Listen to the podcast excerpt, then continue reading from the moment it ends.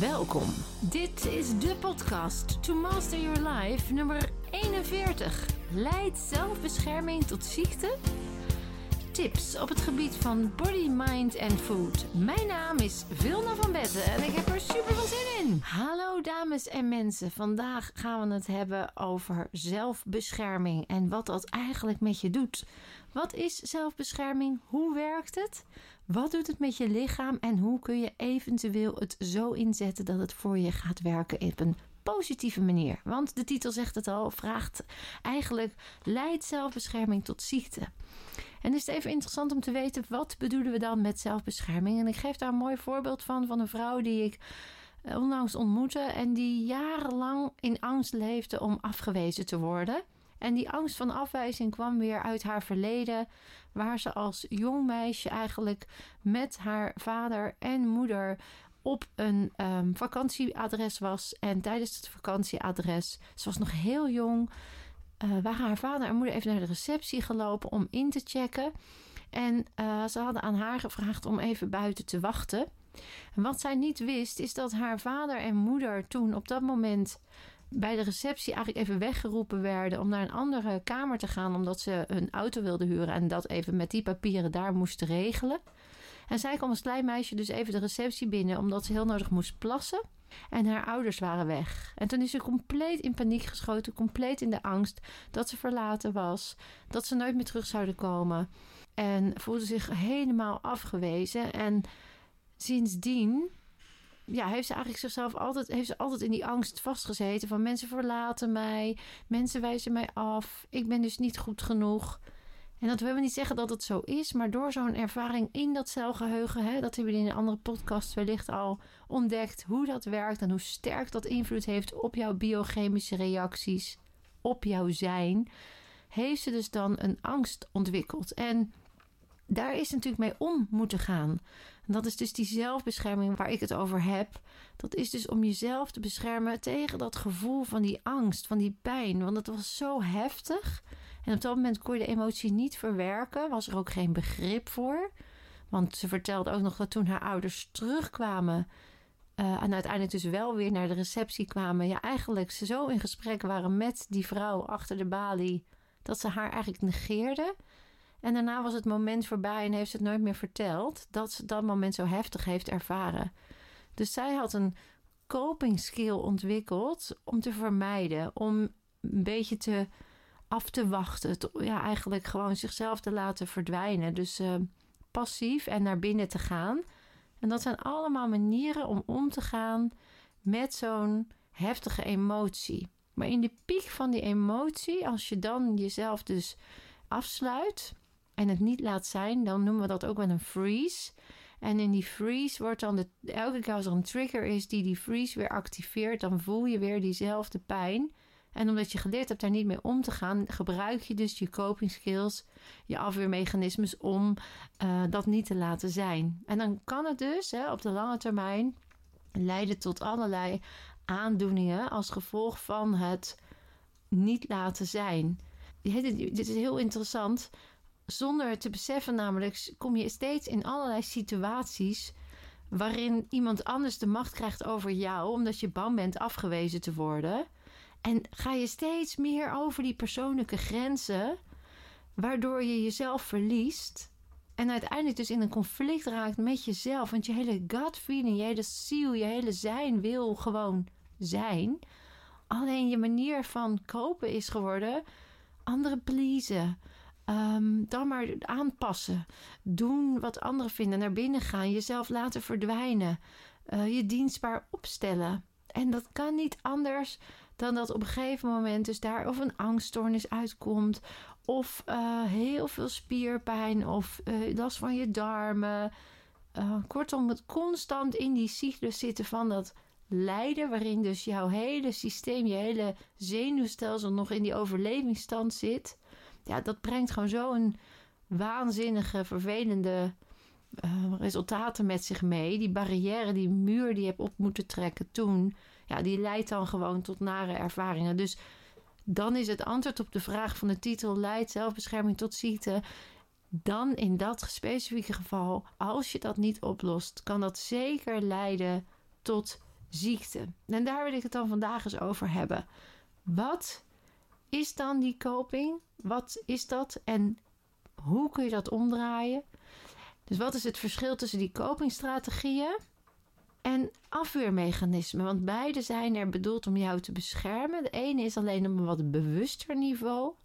En het afweermechanisme is juist op het onbewuste niveau. Als je kijkt naar het woord coping, copingstrategie, dan betekent dat echt letterlijk uit het Engels hè, het, het hoofd bieden aan. Je vertoont gedrag als reactie op stress of een probleem en je gaat het aan. Je zorgt dat je eruit komt. Uh, dat zijn eigenlijk adequate, gezonde strategieën die problemen oplossen. Alleen als het een reactie is op een emotionele reactie, dan kan die dus juist niet het probleem verhelpen, maar als een beschermingsmechanisme jou in een patroon houden die jou niet dient. En dan is een copingstrategie soms juist heel erg helpvol, heel erg behulpzaam. En aan de andere kant is juist heel erg destructief. Een afweermechanisme daarentegen, dat is echt als je kijkt naar het onbewuste. Dat is dus wat er gebeurd is toen ze heel klein was. In die receptie bij dat vakantieoord. Waar ze zich compleet paniek heeft ervaren. En dat niet heeft kunnen laten zijn. Er was geen ruimte voor, geen tijd voor. Dat is een freeze geworden in haar systeem. Waarbij ze zichzelf onbewust heeft willen beschermen. En dus niet haar verlangen of haar gevoel aan is gegaan. En dat noemen we dan echt een afweermechanisme. Dat is dus veel meer onwillekeurig. Dat is dan de reactie op die trigger. Dus een coping skill is een manier van gedrag dan een gewoonte is geworden om met problemen om te gaan. En een afweermechanisme is veel meer in dat onbewuste, waarbij je dus vanuit die trigger, die pijn reageert. Het ligt heel dicht bij elkaar. De ene is gewoon wat meer bewuster en de andere is wat meer onbewuster. Nou, als je nou eens even bij jezelf nagaat wat heb ik eigenlijk voor copingstrategieën? Dan is er een heel leuk testje die ik even met jullie wil doen. Om eens te kijken, wat is jouw voorkeursstrategie? Wat zet jij in als je een probleem ervaart? Dus ik wil je eigenlijk even vragen je voor te stellen dat je naar de meest stressvolle periode van het afgelopen jaar even teruggaat. Het kan een persoonlijke crisis zijn of een stressvolle gebeurtenis die voor jou in ieder geval veel stress heeft opgeleverd, waardoor jouw zenuwstelsel in de actie kwam. Dus wilde vechten, vluchten of stilstaan. En ga dan eens na hoe je daarmee om bent gegaan met die stress. Uh, en dan laat ik je even een aantal manieren horen. Dat jij dan kan zeggen: Oh ja, dit, dit doe ik. Dit is wat ik altijd doe. Nou, bijvoorbeeld, stel dat je dus stress ervaart. Het loopt niet zoals je wil. Alles gaat anders. Wat doe je dan? Uh, pak je het actief aan? Dus zoek je naar oplossingen. Je leest bijvoorbeeld een boek over het probleem. Je vraagt advies. Of je gaat naar een professional. Of je onderneemt actie om de situatie meteen op te lossen. Dat is een coping skill.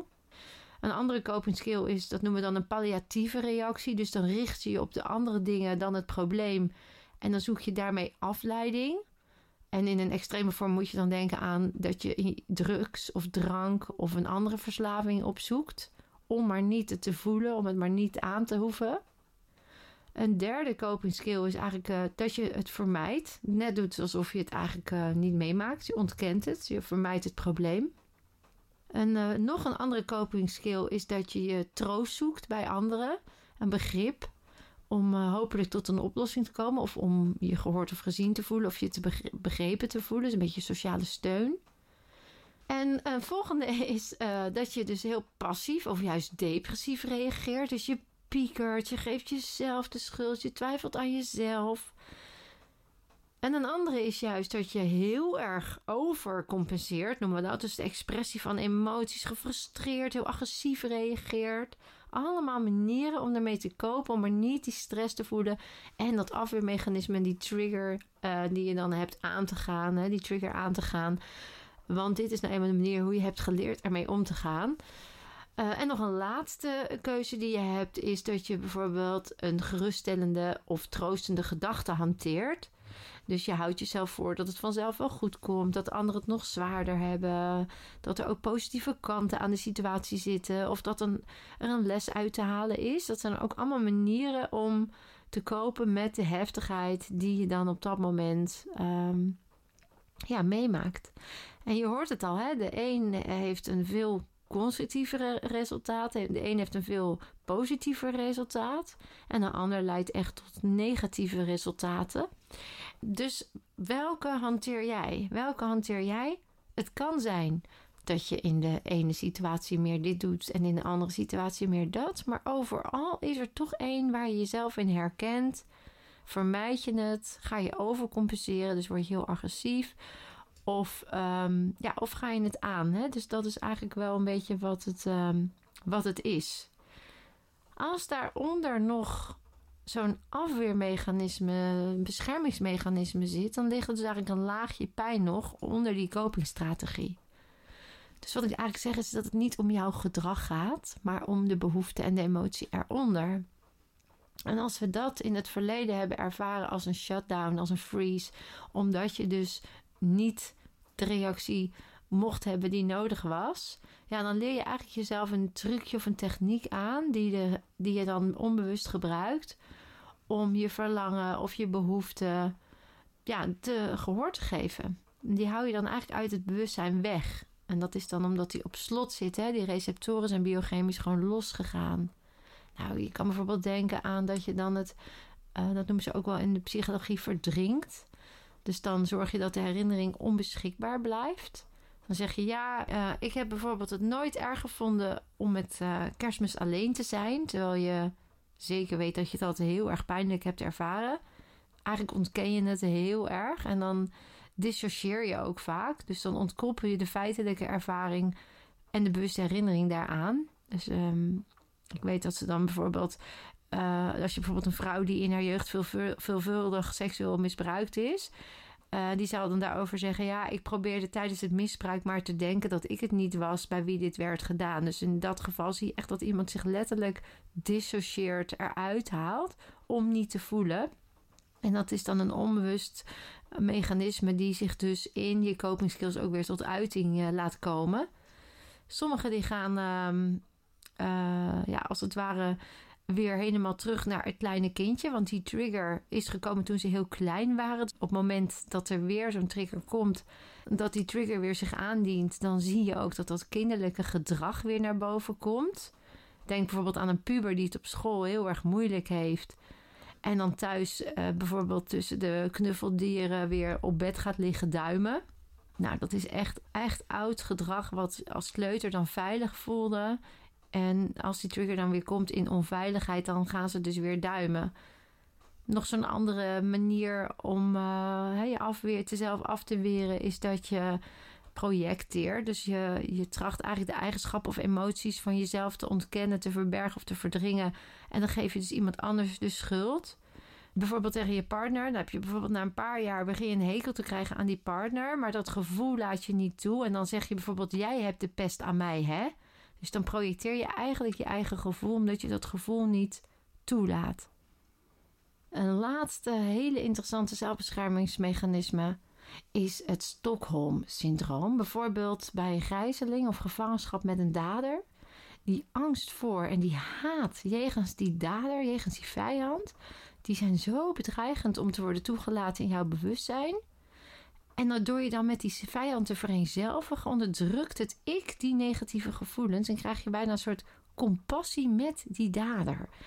Dat zie je bijvoorbeeld heel goed bij uh, die Duitse dame Natasha Campus, die toen ontvoerd is toen ze tien was. En heeft acht jaar lang in een kelder gezeten. Daar is ook een hele mooie documentaire over op Netflix.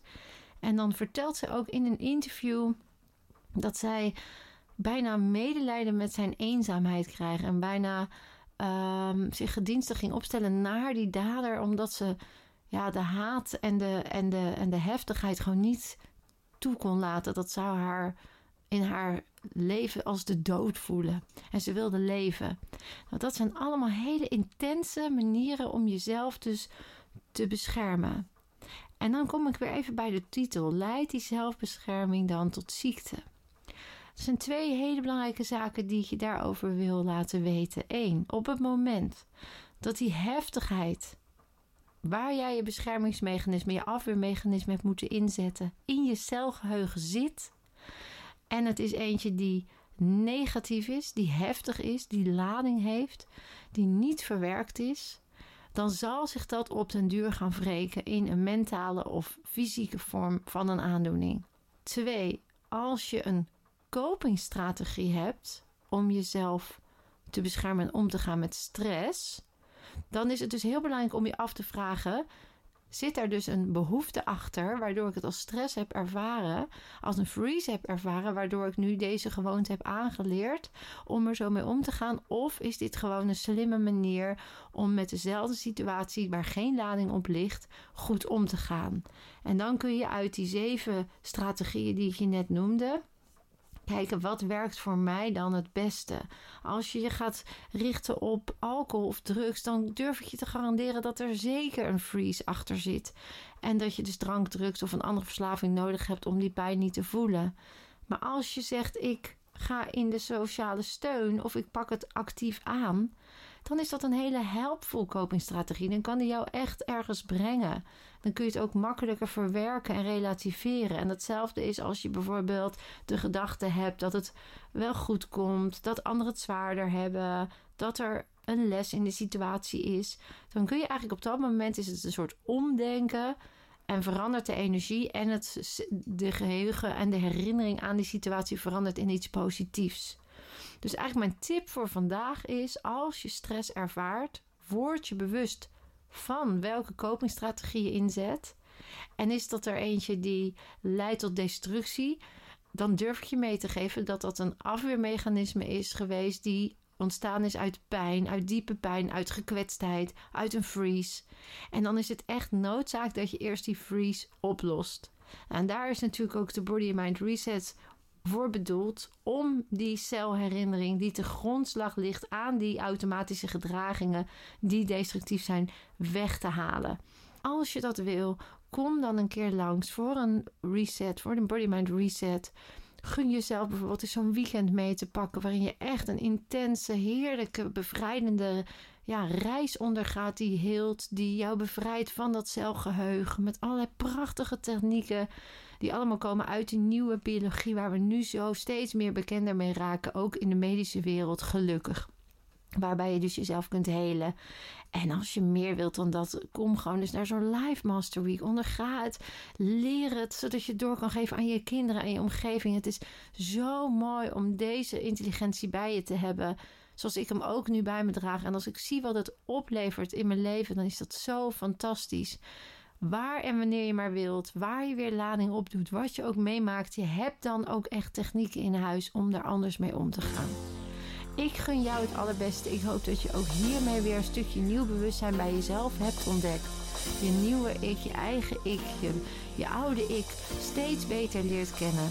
En uh, dat we met elkaar dit bewustzijn in de wereld om ons heen ook een beetje upliften en mooier maken. Dat is mijn wens voor jou en voor de wereld om ons heen. Ik uh, dank jullie wel weer voor het luisteren. En uh, je weet het, hè? Je kunt meer dan je denkt.